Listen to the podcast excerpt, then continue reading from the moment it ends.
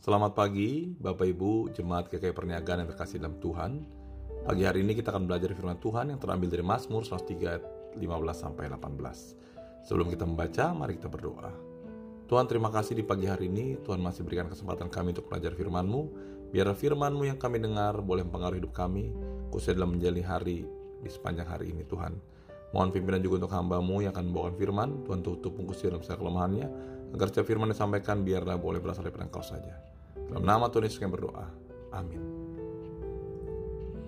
Mazmur 103 15 sampai 18. Adapun manusia, hari-harinya seperti rumput.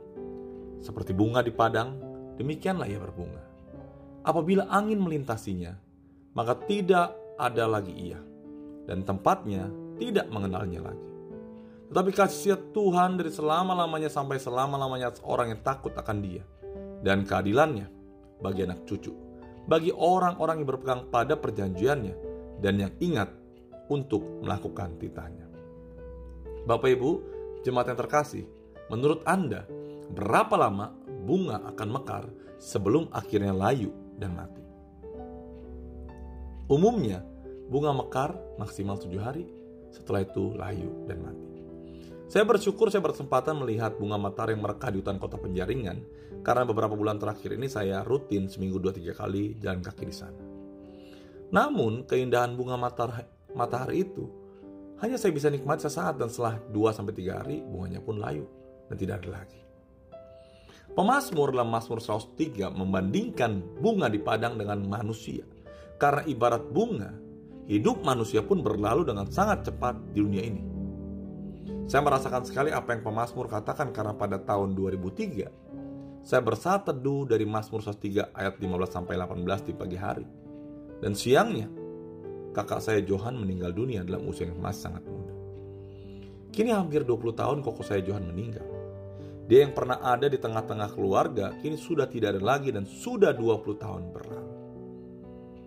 Kalau hidup manusia begitu singkat, Lalu apa yang harus dilakukan oleh setiap ciptaannya termasuk Anda dan saya? Pemasmur mencatat, tetapi kasih setiap Tuhan dari selama-lamanya sampai selama-lamanya seorang yang orang yang takut akan dia dan keadilannya bagi anak cucu, bagi orang-orang yang berpegang pada perjanjiannya dan yang ingat untuk melakukan titahnya. Artinya dalam hidup yang singkat ini kita harus ingat untuk melakukan titahnya dan berpegang pada perjanjian. Apa titah Tuhan untuk Anda? Dan apa saja janji Tuhan kepada Anda? Untuk bisa berpegang pada perjanjiannya dan melakukan titahnya, maka Anda dan saya harus mempelajarinya. Di mana? Di Alkitab. Kapan? Setiap saat, setiap waktu, setiap hari. Saat teduh pribadi. Ini sesuatu yang penting untuk kita menggali akan kebenaran firman Tuhan. Mempelajari titahnya, mempelajari janji-janjinya ibu, bapak, jemaat yang terkasih dalam Tuhan. Hidup memang cepat berlalu. Tapi marilah kita isi waktu yang singkat ini sesuai dengan apa yang Tuhan mau kita lakukan. Bukan dengan tujuan dikenang oleh dunia dan manusia. Tetapi memang inilah tugas yang harus dilakukan oleh setiap anak-anak Tuhan. Mari kita berdoa.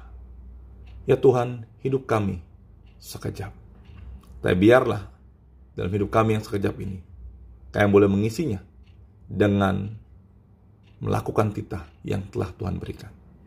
Tuhan mampukan kami untuk boleh menjadi terang dan garam. Menjadi pelaku-pelaku firman dalam kehidupan dan aktivitas yang kami lakukan setiap hari. Terima kasih Tuhan Yesus. Dalam nama Tuhan Yesus kami berdoa. Amin.